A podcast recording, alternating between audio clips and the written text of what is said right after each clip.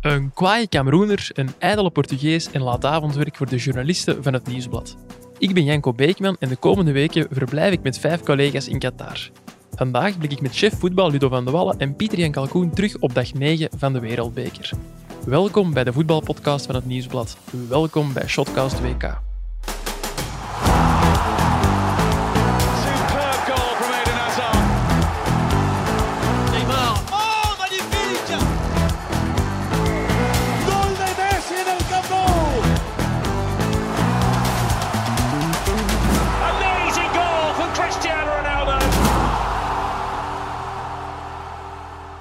Dag Ludo, dag Pieter Jan. Dag Janko. Hallo. Normaal begin ik er altijd met te zeggen welke wedstrijd er op de achtergrond op staat, de 10 uur match. Ehm, maar daar hebben jullie vandaag ja, niks noppes nada van gezien, want er is eh, zo net nog een, eh, een bommetje gedropt bij de Rode Duivels. Hier in de achtergrond zitten eh, Bart Laga en Jurgen Giraud nog volop te tikken, te werken voor de krant en voor de website. Maar ik heb jullie al kunnen wegsleuren van jullie laptop om hier bij mij te komen zitten. Net als Christophe Liberlo trouwens. Ehm, vertel eens, mannen, wat is er eigenlijk net gebeurd? Ja, een dik uur geleden kregen wij het bericht dat uh, L'Equipe het bericht uitbracht dat er gevochten, al bijna gevochten is in de kleedkamer na de wedstrijd, in de Belgische kleedkamer na de wedstrijd tegen Marokko. Vertongen zou heel zware verwijten hebben geroepen naar De Bruyne en Eden Hazard. Ja. Nu, L'Equipe is niet de eerste, de beste krant, dus uh, we hebben dat zeker moeten natrekken. Mhm. Nu blijkt dat er uh, vanuit, de duivels, vanuit de duivelskamp uh, ontkennend wordt gereageerd. Dus moeten wij morgen het bericht brengen dat L'Equipe dat brengt. Waarom is L'Equipe geloofwaardig? Omdat we vorig jaar het EK hebben gehad en zij ook zo een soortgelijk bericht hadden gebracht. Dat was Mhm. dat de ouders en de familieleden wel degelijk op bezoek waren geweest in het kamp van de Rode Duivels, terwijl dat, dat eigenlijk niet mocht hè, met de coronamaatregelen. Dat bleek waar te zijn, Ja. dus we nemen dit ook wel serieus en hebben het nagetrokken, maar uit het kamp van de Rode Duivels wordt dat nu ontkend. Ja. En op die manier zullen we het bericht ook brengen. Er is ook een journalist van L'Equipe die al jaren nauwgezet Duivels Rode volgt, Duivels ja. volgt, die ook wel wat spelers kent, eh, persoonlijk, omdat heel wat jongens in Frankrijk gespeeld hebben. Ja. Dus het is wel iemand, eh, het is niet de eerste, de beste krant inderdaad, zoals Ludo zegt, die dat schrijft. Dus het is onze taak om, om dat te checken, hè, dus we hebben dat gedaan. Ja, ik vond het wel boeiend om te zien. Ik kwam thuis van eh, de wedstrijd Brazilië-Zwitserland. En normaal gezien zitten, de, zitten jullie hier al in de zetel met een chipje gezellig naar de match te kijken. En nu zag ik iedereen achter zijn laptop zitten, lichte stress. Ja, tof om te zien. En, en hoe gaat dat dan? Dat is direct allemaal WhatsAppjes sturen naar mensen rondom de duivels, naar de duivels zelf. Hoe, hoe moeten de mensen dat juist zien? Nou, inderdaad, in de eerste plaats gaan we natuurlijk even rond de tafel zitten met Jurgen en Pieter Jan. Dat zijn de mannen die er eigenlijk al een hele dag op aan het werken zijn geweest. Wat, eh, wat er bij de Rode Duivels Dat was aan de al een hand thema, is. ook voor dat, dat bericht van L'Equipe Ja, natuurlijk. Na Ja. al de verklaringen die er gisteren zijn geweest, die er de afgelopen dagen zijn geweest, moesten we toch eens checken hoe hoe dat het nu eigenlijk zit. En Pieter Jan en Jurgen hadden er een heel goed verhaal van gemaakt, een genuanceerd verhaal met de juiste toon. En dan komt er zoiets, een bom binnen, ja, dan eh, moet je toch even overleggen hoe je het verder gaat aanpakken. Nu, wij hadden inderdaad al heel de dag, Jurgen en ik, ons licht opgestoken bij mensen rond de duivels, bij spelers zelf, bij makelaars, bij noem ze maar op. En dat verhaal was ons niet ter oren gekomen. Dus in die zin was het ook wel opmerkelijk geweest als wij met al die telefoontjes dat verhaal niet hadden eh, aan de oppervlakte gebracht, zal ik Ja. maar zeggen. Maar goed, ja, het is, het is zoals we daarnet zeiden, L'Equipe eh, schrijft zoiets, Ja, serieuze dan je krant, wel serieus. dan, Hè, ja. dan denk je toch eventjes van, verdikke, er is, er is ons iets ontglipt. Dat kan nog altijd zo zijn, hè, dat het effectief gebeurd is, maar het wordt wel door meerdere bronnen ontkend. Dus, eh, Gaan jullie nu morgen, want morgen zal er wel weer een persconferentie gepland staan bij de Rode Duivels met twee spelers, als ik me niet vergis. Weten jullie al wie er gaat komen morgen? Ja, Arthur Theate en Yannick Carrasco. Oké, dus twee jongens die niet hebben gespeeld tegen, eh, tegen Marokko. Dat is ook wel opvallend. en laten we zeggen, ook niet echt de spreekbuizen van de spelersgroep. Nee, maar trekken jullie nu toch met een ander gevoel naar dat hotel van de Duivels als je ja, dit soort verhaal in de krant hebt moeten brengen? Ja, ik denk dat wel. Hè. Allee, we moeten die toch blijven natrekken, horen of dat, dat klopt. Want als dat klopt, dan is dat natuurlijk wel een heel, heel, sterk verhaal. Ja. Eh, dat betekent dat alle geruchten die, er, die we nu ook al een hele dag horen, en Pieter Jan zal dat bevestigen, aangezien hij er een hele dag heeft op gewerkt, dat daar toch wel iets van aan is, van die verdeeldheid, die zware verdeeldheid in de groep. Dat er verdeeldheid is in de spelersgroep, dat lijkt me niet onlogisch na een nederlaag, maar van die zware verdeeldheid, alsof ze niet meer willen spelen voor elkaar, dat is toch wel belangrijk dat je dat bevestigd krijgt en dat je eens we een evaluatie maken van dit WK, dat dat ofwel mee kan genomen worden in de evaluatie, of misschien ook niet. Dat moeten we dan bekijken. Het is daarom dat we dat absoluut willen weten. Pieter Jan, even concreet, wat heb je dan eh, allemaal gehoord vandaag in de entourage rond de Duivels? Wel, ehm, de houding van Kevin De Bruyne ligt sommige jongens toch wel zwaar op de maag. Het, het het, het vele gebaren tijdens de wedstrijd. en Ja, zo, daar begon het al mee. Dat vonden, dat vonden de meesten niet echt constructief. Maar dan ook zijn negatieve houding, zijn soms ongeïnteresseerde houding een beetje. Dat valt niet in supergoeie aarde natuurlijk. Ehm, ook het, sommigen krijgen ook het gevoel dat ze minderwaardig zijn. Dat de Bruine zich stoort. Ja, misschien druk ik mij wat zwaar uit. Nee, nee, maar maar- dat de Bruine zich wel eh, stoort aan de imperfecties van zijn ploegmaat. van zijn ploegmaat. En het is natuurlijk zo dat er een heleboel spelers niet op niveau van de Bruine zijn, maar eh, de Bruine zelf is op dit toernooi ook absoluut niet zo goed. Nee. Ja, je kunt eh, jezelf wel beter voelen, maar dan moet je het ook wel tonen natuurlijk. En eh, dat, dat is niet het geval, dus daar zijn er ook wel wat irritaties, maar evengoed stellen spelers zich vragen bij de, bij de keuzes van de bondscoach.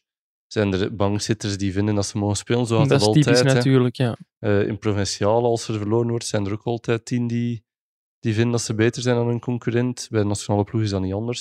Jij hebt dat bij Shotcast ook een beetje. Hè. Jij vindt ook dat je in de basis thuis hoort en moet het ook met lange invalbeurten Ja, de, doen. hè. de trainer eh respecteert de keuzes van de trainers. Dat zie je nu. Maar ja, bon, het is allemaal, het is allemaal eh, geen hogere wiskunde. Het is, zijn spanningen die komen kijken bij mindere resultaten. Maar eh, als je natuurlijk donderdag voor een, een alles of niets match staat, dan zou het wel iets aangenamer zijn als je eh, als één collectief, als één vriendenbende, Ja. als één groep die voor elkaar door het vuur wil gaan, aan die match begint. En nu zijn er wat twijfels. Ja, het klinkt allemaal heel negatief, maar ja, kan niet ook iets positiefs worden, Ludo? Want jij was erbij in 2002, net niet in 1986. Ehm, toen, toen was er ook wel zo'n must-win-wedstrijd voor de Duivels, waar met een bepaalde spanning naartoe geleefd werd. Spanning die ook wel ja, naar buiten kwam tegenover de pers, toch? Ja, het is eigenlijk een beetje te vergelijken met nu. Ik, eh, het was een legendarisch verhaal van de al even legendarische François Collin, die na Ja. twee wedstrijden Uw voorganger bij het Nieuwsblad. Inderdaad, mijn voorganger bij het Nieuwsblad, die na twee wedstrijden schreef dat eh, het stonk bij de Rode Duivels. Ik herinner me de titel nog altijd heel goed op de eerste pagina van het Nieuwsblad. Het stinkt bij de Rode Duivels. En toen waren de Rode Duivels bijzonder boos. Het is te zeggen, vooral Robert Wassage, die dan in eh, Mark Wilmots een goede compagnon vond. En toen is er beslist om niet meer met de pers te praten. Wat was het resultaat? Dat die groep naar, naar elkaar toe groeide. Ja, Want er waren wel degelijk spanningen. Maar goed, en dat is precies hetzelfde wat er nu gebeurt. Als de volgende dag iedereen zegt, en ze hebben afgesproken, jongens, alles wat er nu wordt verteld, dat is niet waar. En ze spreken dat allemaal af. Ja, goed, dan is het niet waar. Hè? En dan stonden wij daar als, eh, als nieuwsblad op dat moment. Eh, uit- later is dan uitgekomen dat het wel is. Als je nu met spelers van die generatie praat, Ja. dat ze zich stoorden aan het gedrag van Wassage. Dus, maar op dat moment werd dat een, een, een, een issue waardoor al die spelers dicht bij elkaar kropen, Mhm. een blok vormden en dan die wedstrijd tegen Rusland wonnen. Ik hoop heel hard voor de Rode Duivels dat dat nu ook kan. Maar ik weet niet of dat deze groep op dezelfde manier, op dezelfde coherente manier is samengesteld als die groep van toen. Want toen was Mark Wilmots de absolute leider. En die heeft toen iedereen meegekregen met in zijn zog. Bijvoorbeeld ook Gert Verrijen, die er, die er toen bij was. Die heeft dat toen ook ondersteund. En dan zijn al die spelers daarin meegegaan. Waardoor eigenlijk een, een reactie ten opzichte van de pers is gekomen. En zij die wedstrijd tegen Rusland op een manier hebben aangevat. Zoals ze die twee vorige wedstrijden absoluut niet hadden aangevat. En ik hoop het heel hard dat dit nu ook kan gebeuren. Zonder dat nu deze keer een hoofdrol is weggelegd voor het nieuwsblad. Ik belde Jeff Brouwers, de man die de Rode Duivels van, vanuit België bijstaat. Ja, En ik vroeg ook- sportpsycholoog. Ja, sportpsycholoog. Ik vroeg ook of een gemeenschappelijke vijand of een gezamenlijke vijand de groep dichter bij elkaar kan brengen en ervoor zorgen dat er toch een bepaalde dynamiek ontstaat. En hij zegt dat hij daar niet in gelooft. Ah. Dat je vanuit negatieve gedachten niet iets positiefs kunt eh, creëren. Dat klinkt heel goed, theoretisch. Ze hebben al bewezen dat het wel kan ja, eigenlijk. blijkbaar in 2002 was het anders. Ik was toen nog niet eh, aan de slag als journalist. Maar dat is de theoretische uitleg van Jeff Brouwers. Hij opperde om een groepsgesprek te organiseren. Dat iedereen zijn grieven eens op tafel kan leggen, zijn irritaties. En om dan nadien sponsor over en, en eh, weer verder.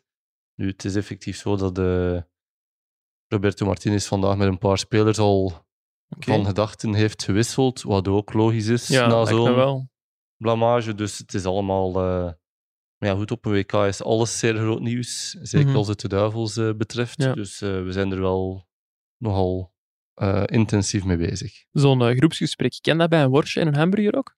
Want er stond gisteravond een barbecue gepland bij de Rode Duivels, vandaag familiedag. Ja, dan vraag ik mij wel af, was dat dan nog een beetje gezellig? Heb Ja. je daar iets over opgevangen? We hebben ze allemaal gedaan, bijvoorbeeld. Het was eh, elke familie of elk groepje had zijn eigen tafel. Oeh, dat is al maar oeh, eh, groepjes. blijkbaar ging het zeer snel in elkaar over. Er is geswingd. Ja, er is geswingd tussen, Tussen de de tafels. families en zo. Ik zeg niet Ja. tussen partners. Nee, nee, Ja. dus tussen de tafels is er wat eh, verloop geweest. Ja. Mijn goede vriendin Michelle was er ook.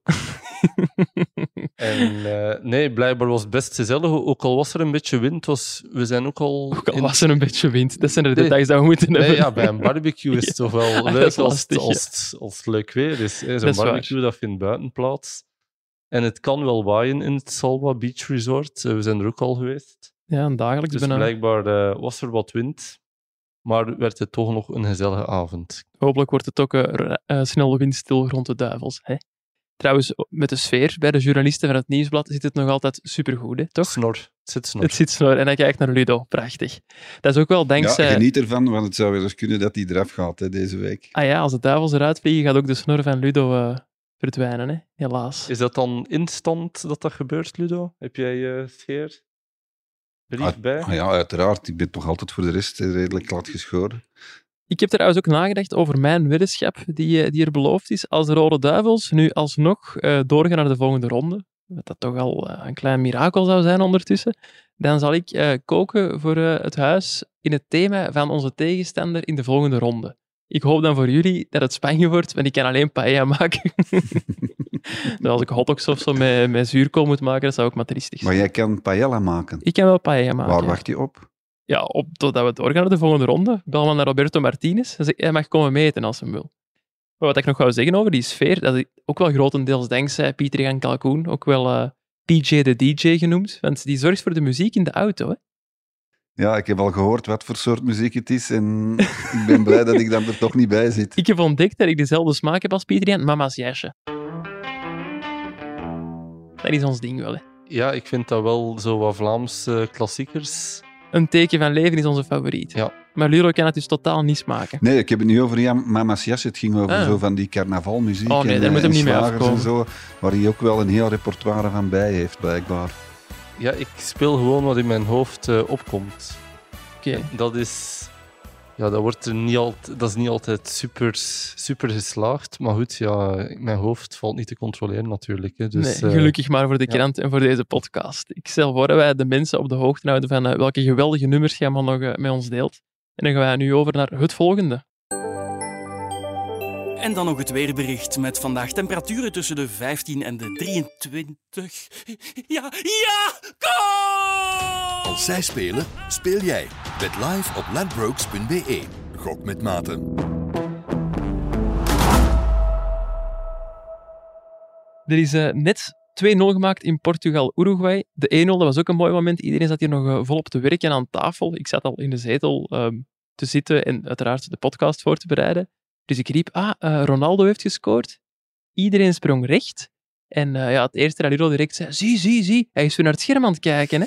het was weer zover, Ludo. En het was toch waar ook. Het is heel subtiel tegenwoordig, maar hij doet het toch nog altijd. Maar Pieter Jan, jij bent wel een Ronaldo-fan, heb ik begrepen. In tegenstelling tot Ludo.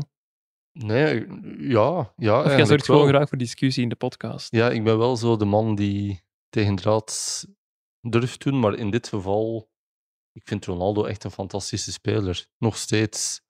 En dat hij dan naar de camera kijkt, Dat moet kunnen. ja, Ik bedoel, ik zou zeer graag hebben dat eh, Kevin De Bruyne dat niveau haalt vandaag en eh, naar de camera kijkt. Ja, maar die zal nu eerst in de spiegel moeten kijken. Ja. Hè? Ehm, wat wou ik nu weer Niveau zeggen? is weer Eh, Janko is toch sterk, hè? Echt een aanwinst. Zelfs na tien dagen, over welke aflevering zijn we al, Amper- blijft hij toch heel alert en eh, Amper at slaap. Eh, de tweede is trouwens gemaakt door Bruno Fernandes, eh, ex-ploegmaat van eh, Ronaldo bij Manchester United. Nee, Er- nee, ex-ploegmaat. Ja, dat zei ik, Ah, je ex-ploegmaat. ja. Ook scherp blijven, Pieter. Ja, sorry. er staan nog vijf minuten te spelen in die wedstrijd. Portugal-Uruguay Het staat nu 2-0. Mocht er nog iets gebeuren, zullen we roepen. Anders mag ik ervan uitgaan dat het 2-0 gebleven is. En Cristiano Ronaldo was al vervangen. Wat zal hij spijt hebben dat hij die penalty niet heeft Ja, mogen nemen? inderdaad. Een doelpunt laten liggen. Ja. Maar ja, Over- het, eh, 2-0 gesproken. Wij staan ook al 2-0 in het krijt bij de collega's Ja. van het laatste nieuws. Ja, Pieter, je hebt gelijk. We hebben twee keer een, eh, een wedstrijdje kikker, of, of shotterkast, zoals we dat in Ja, Antwerpen noemen, gespeeld. shotterkas in Ja, in shotcast goed. zeggen we shotterkast, dat kan ik wel zeggen. Eh, maar we hebben dus maar twee keer roemloos verloren van Christophe Terreur en Frank de Ja, Keizer. ik vond die eerste partij nog vrij gelijkopgaand, maar ja, nu woensdag was het echt eh, met de billen bloot. Of donderdag. Donderdag. We proberen ons alsnog te kwalificeren voor de volgende ronde donderdag. Nee, donderdag, zondag. Zondag en Alle donderdag dagen. gaan we ons kwalificeren. Alle dagen lijken hier echt wel op elkaar in uh, Qatar, maar excuus. Scherp, blijven, hè, jongens. Oké, maar ik stel voor dat we terug over eh, echt voetbal gaan praten, niet over tafelvoetbal. Wat moeten we nog onthouden van vandaag? Welke wedstrijd is eh, jullie in het oog gesprongen? Ja, het was die, die twee wedstrijden die het minst aantrekkelijk leken. Ja. Eh, Cameroen tegen Servië. Ja. En Ghana tegen Zuid-Korea. Ik moet eerlijk zeggen, daar hebben we onze slaap niet voor gelaten. Maar dat waren wel twee schitterende wedstrijden. Vooral qua sco scoren verloren. Ik heb mijn slaap wel gelaten voor eh Cameroen-Servië, want ik heb een paar dagen geleden beslist om mij er, daarvoor alsnog te accrediteren. En dat was de vroege match vandaag, late match gisteravond, dus toch even lastig gehad. Maar ik ben naar daar geweest en ik heb er geen spijt van gekregen. Ik stel voor dat we naar een kort fragmentje luisteren. Ik ben hier eh, net aangekomen aan het Al Janoub Stadium, ook wel bekend als het Vagina Stadion. Hier wordt zelfs Cameroen tegen Servië gespeeld en ik kom eens kijken hoe mijn eh, Dark Horse Servië het ervan afbrengt. Ontzettend weinig volk in het stadion. De stadionspeaker heeft eh, net geprobeerd om het volk wat op te peppen, maar dat ziet er echt heel zielig uit. Verrassing, Cameroen komt tegen de gang van het spel in op voorsprong. Daar is de 1-1. Pavlovic kopt die binnen voor Servië. Er heeft eh, net een collega op de perstribune zijn schoenen uitgedaan. Echt walgelijk. 1-3 Servië, Alexander Mitrovic. En eh, zijn tong blijft in zijn mond. Er zijn de Cameroeners al terug. Choupo-Moting met de 3-3. Wat een match. Mijn Dark Horse ziet af. Cameroen-Servië zit erop. 3-3, 6 goals, veel spektakel, maar geen winnaar. Het was trouwens mijn eh, eerste keer in het El Janoub Stadium. Dat is eh, een heel herkenbaar stadion vanuit de lucht. Hè. Ah, dat is het Vagina ja. Stadion. Hè. Nog niet gezien, Ludo? Nee, Als je heb er vanuit de lucht naar kijkt, dan ja, lijkt het echt wel op een, op een vagina. En dat is nog nooit gebeurd dat ik het woord vagina zo vaak heb gebruikt in onze podcast. Ehm, maar eh, dat is ontworpen door Zaha Hadid. Kennen jullie die? Zaha Hadid. Heel moeilijk voor mij. Ik denk, als... Van het... eh, goh, zeg het eens. Die eh, heeft de Nieuw Havenhuis in Antwerpen ook ontworpen. Ah, het havenhuis. Ja, dat ik wist is, dat eh, hij iets in Antwerpen, een van die prachtige gebouwen daar had eh, ontworpen, maar Ja. ik weet niet meer welk. Nee, er is toen ook wel commentaar op gekomen. En hierop dus ook over de vorm van, eh, van het stadion. En eh, ze had daar zelf over gezegd, niet alles met een gat in is een vagina. Dat kunnen we niet ontkennen natuurlijk. En ze zei ook dat als het ontworpen was door een man, dan zouden we die opmerkingen niet maken. Daar ben ik het dan weer niet helemaal mee eens. Ik ook nee, niet. ik ook niet. Nee, want ik wist eigenlijk niet dat het een vrouw was. Allee, dat had ook een mannennaam kunnen zijn. Ehm, over de wedstrijd dan. Die eindigde op eh, 3-3. Ehm Cameroen kwam eerst op achterstand. Nee, kwam eerst op voorsprong. Servië zette dat vrij, vrij vlot recht. Maar in het slot kwam eh Cameroen nog langs zij, dankzij Aboubakar. Die was eh, ingevallen. Eh, ja, Servië, dat was mijn dark horse voor het toernooi. Ik begin er al stil aan spijt van te krijgen, hoewel ze aanvallend wel echt heel sterk zijn. Sivkovic is mij onder meer opgevallen. Ehm, het verhaal van de match, dat begon eigenlijk al voor de wedstrijd. Dat was eh, André Onana, de doelman van Cameroen, die eh, de selectie heeft verlaten. Blijkbaar heeft hij een eh, discussie gehad met Rigobert Song, de bondscoach, over zijn uittrappen. Dus Onana, opgeleid bij Barcelona, daarna bij Ajax gekipt, speelt heel vaak de bal kort in. Song vond dat hij zo te veel risico's nam, dat hij meer lange ballen moest trappen. En Onana heeft gezegd van ja, dan ben ik ermee weg. Ja, die Onana, dat is toch wel een eh, raar figuur.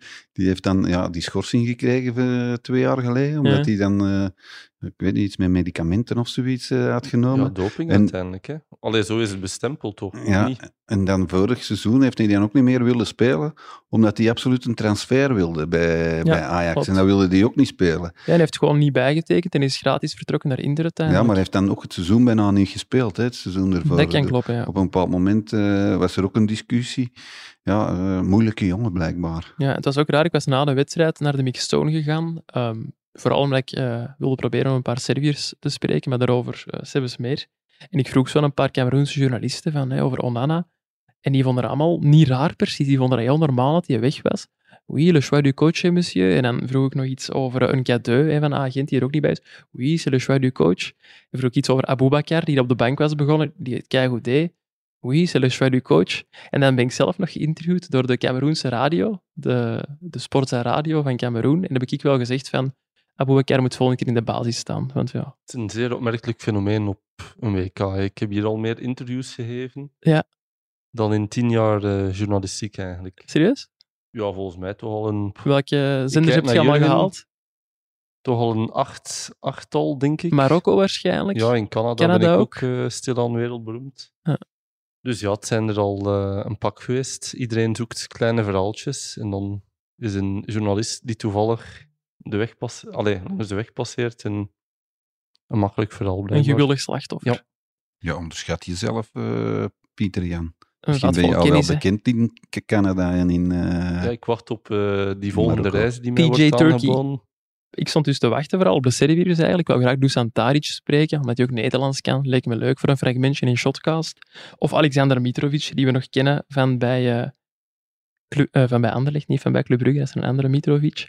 Ehm, maar die zijn gewoon niet door de mixzone gekomen, hoewel dat verplicht is voor alle spelers. En die net als enkele Rode Duivels eh, zondag langs een achterdeurtje naar de bus verdwenen. Dus ik heb daar meer dan anderhalf uur staan wachten op die mannen. Voor niks. Ik heb zo mijn shuttlebus naar de volgende wedstrijd gemist. Maar het leuke was wel dat de FIFA dat heeft opgelost door eh, een taxi te bellen. Dus dat moet ik wel zeggen, alles is hier wel snel geregeld. Dat is waar. Er valt veel over die 2K te zeggen, dat hebben we ook al gedaan, maar vlak van eh, organisa- organisatie staat het hier wel eh, vrij goed op punt. Voor de laatste wedstrijd, Ghana-Zuid-Korea, die heb ik niet kunnen zien, omdat ik in de mixed zone stond, maar jij hebt die wel gevolgd, hè, Pieter? Ja, wat moeten we daarvan weten? 3-2 Ik heb die wel gezien. Ja, dat was ook een wedstrijd die goed op en neer ging.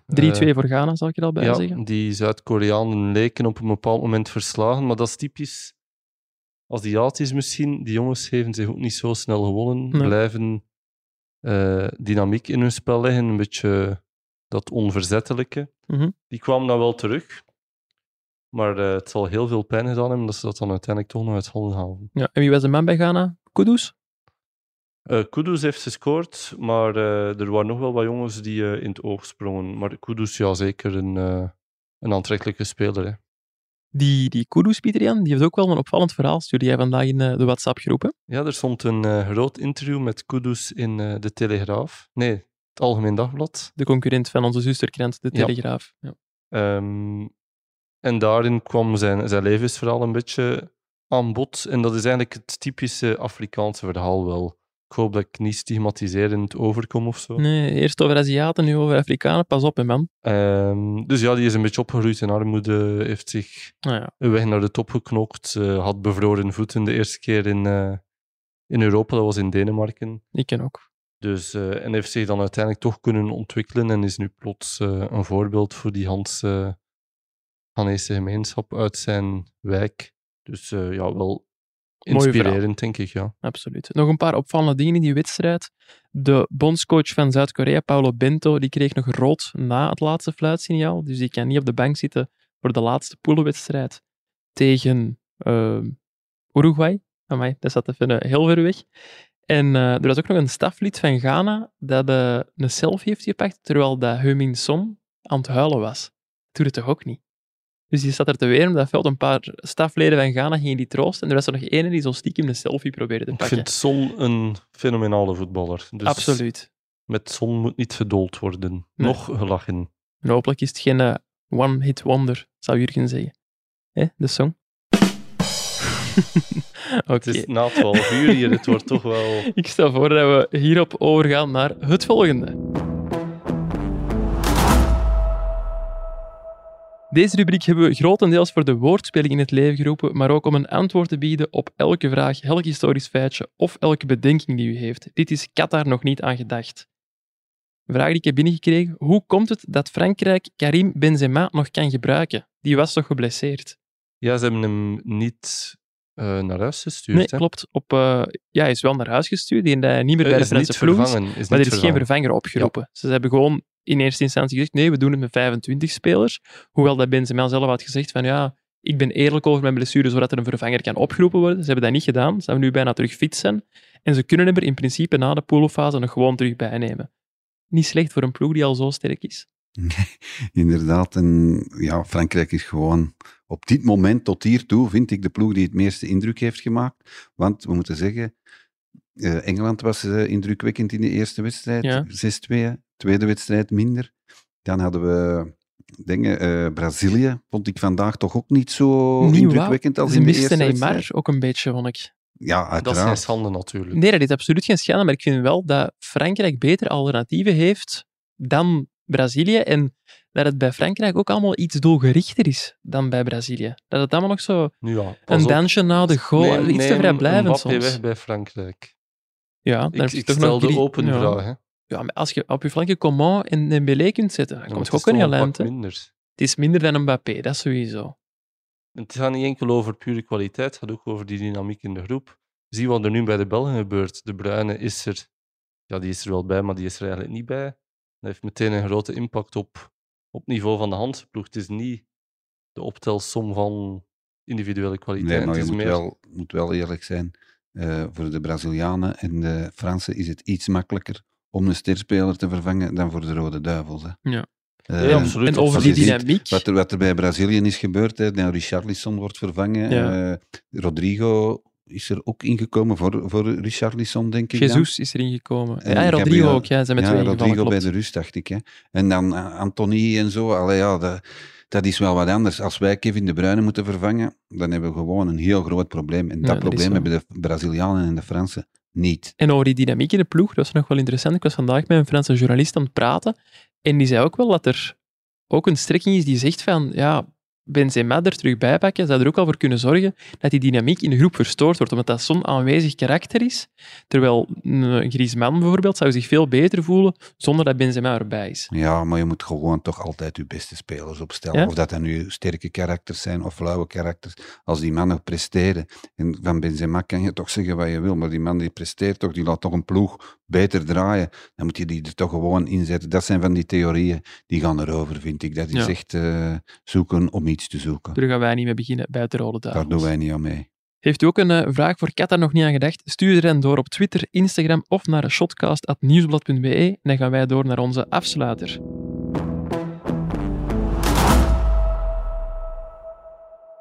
Het is eh, 2-0 gebleven in eh, Portugal-Uruguay, Eh, maar Ronaldo heeft niet gescoord.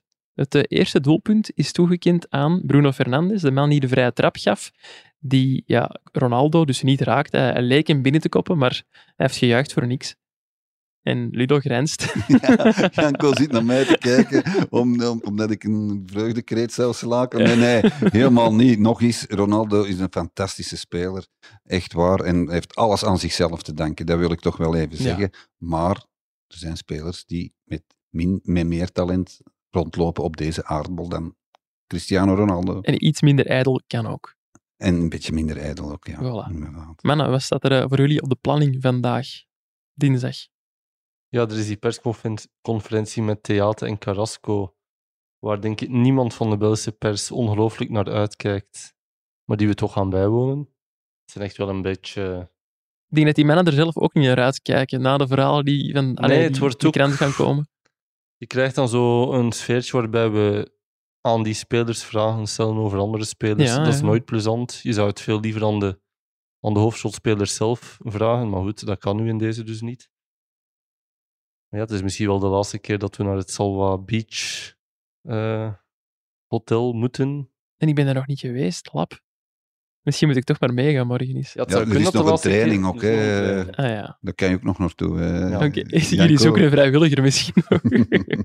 Lero, jij gaat dus ook naar eh, het Salwa Beach Resort morgen, of niet? Dat denk ik eerlijk gezegd niet. Ik eh, moet nog wel een thema vinden voor mezelf, maar eh, ik denk niet dat ik naar die Het thema ligt niet bij theater, eh, Ludo. Wat blieft? Het thema ligt niet bij theater dan. Nee, nee, nee, denk ik niet. Nee. We zullen nu morgen helpen zoeken. Ik zal nu het programma voor morgen eens overlopen. Om vier uur Belgische tijd is er Qatar, Nederland en Ecuador-Senegal. Ja, nu worden er altijd twee wedstrijden Ja, op hetzelfde uur gespeeld, drama, omdat het de laatste poolwedstrijden zijn. Dat wil ook zeggen dat wij gaan moeten kiezen welke wedstrijd die we uitgebreider gaan kunnen bespreken in Shotcast. Ik moet wel zeggen, ik heb telkens al vrij, vrij goed, goed gegokt met de wedstrijden die ik nu heb gekozen, want ik heb nog geen enkele 0-0 gezien op 2K live. Nou, dan heb je geluk, want er zijn er toch Ja, al er zijn er wel al wat geweest. hè. Dus Ja. ehm, Ik vind het zeer jammer. Het is zeer leuk om de hele dag voetbal te kijken. En Ja. nu valt dat een beetje weg. Dus eh, een oproep aan de FIFA. Ja. Als het nog kan, om toch nog meer voetbal uit nog meer. Jan, dan gaan we vragen om die wedstrijden apart te Ja, spelen. dan, dat kun je niet maken. En wat gaan, Nee, we nee, dan, dat kan niet. wat gaan we dan zeggen? Dat kan Salon niet, want die remises, ploeg wordt salon. bevoordeeld ten opzichte van de andere. Nee. Wij zijn nooit content, eh nee, nee, het Janko. is dat. En zeker Pieter Jani. Om acht uur is er eh, Iran tegen de VS en Wales tegen Engeland. Ehm, ik ga dus kijken naar Nederland-Qatar vandaag, dus er gaat zeker gescoord worden. Ik denk wel dat dat moet lukken voor eh, Oranje tegen eh, Qatar. Ja, ik zag er straks enkele Nederlandse journalisten en die durfden twijfel zaaien. Serieus? Ja, ik vond dat ook heel vreemd. In ja, de kranten is de teneur zo van, we hebben wat kopzorgen en het moet echt wel dringend opgelost worden, want Qatar komt eraan. Ja, Louis van Gaal die gaf eh, vandaag maandag weer een persconferentie en die was weer in vorm. We zullen eens luisteren. Frenkie, je ziet nog wel witjes. Je klinkt een beetje ziekjes. ben je fit? Of, eh? Nee, ik ben hartstikke fit. Ik heb alleen eh, lichte keelpijn en eh, wat minder geslapen vannacht. Maar ik voel me hartstikke goed voor de rest. Nou, op de eerste plaats vind ik het hartstikke goed dat je ziet dat Frenkie een beetje bleekjes is. Want dat eh, merkte ik ook op. Dan eh, komt Vandaag. naar jou zitten kijken. Ja. Jij bent hartstikke bruin. Ja. Jij bij het zwembad hebt gezeten. Ja, dat heb ik niet. Dat heb ik niet. Ik ben namelijk helemaal geen eh zonnebader. Maar eh, mijn moeder lag met blozende wangen in een kistje toen ze dood was. Ja, dat is eh, genen heet dat. Ja, ik herken dat wel, wat dat eh, Van Gaal zegt. Ik bruin ook iets sneller dan er. Ik moet er zelfs niet voor aan het zwembad gaan liggen. Ik, eh, dat is hier ook niet. er hè. is ook geen zwembad. Nee, er is Dus geen ja, zwembad. Maar als het er zou zijn, zelfs dan zou ik er niet gaan liggen, denk Dat ik. zijn uw Zuiderse roots waarschijnlijk. eh, Louis van. Gaal heeft die niet, denk ik. Hè. Dat Hij- weet ik niet. Maar hij woont wel in Portugal, misschien daarom dat hem zo die Ik heb het ook niet. Ik ben nogthans eh, West-Vlaming, man van Zonzeestrand. ja, vooral van het strand hè, en zee. en ik bruin niet zo snel. Sterker nog, ik kan niet zo goed tegen de zon. Ik heb ook altijd een petje op hier in eh, Qatar. Ja, Dit is mij volledig... Maar zo ja, kunnen de mensen zich ook steeds meer een beeld vormen bij u. Ja. eh, zullen de mensen ongetwijfeld zeer fijn vinden. Goed, mannen. Dit was het voor vandaag. Bedankt om eh, het weer zo lang te rekken. Na ja, toch, dat, dat late bommetje er nog gedropt is, om hier toch bij mij te blijven Dat, zitten. dat bommetje heeft het eigenlijk... eh, Gerekt. heeft ons wakker gehouden tot eh, deze opname. Ja, en ik ben daar morgen vroeg het slachtoffer van. Want ja, morgen vroeg om 8 uur je hier weer aan mijn bed te drummen om te kunnen ontbijten. Hè. Bedankt ook aan de mensen van Ledbrokes om er voor ons te zijn. Morgen vroeg zijn wij er al terug met een nieuwe Shotcast WK. Tot dan.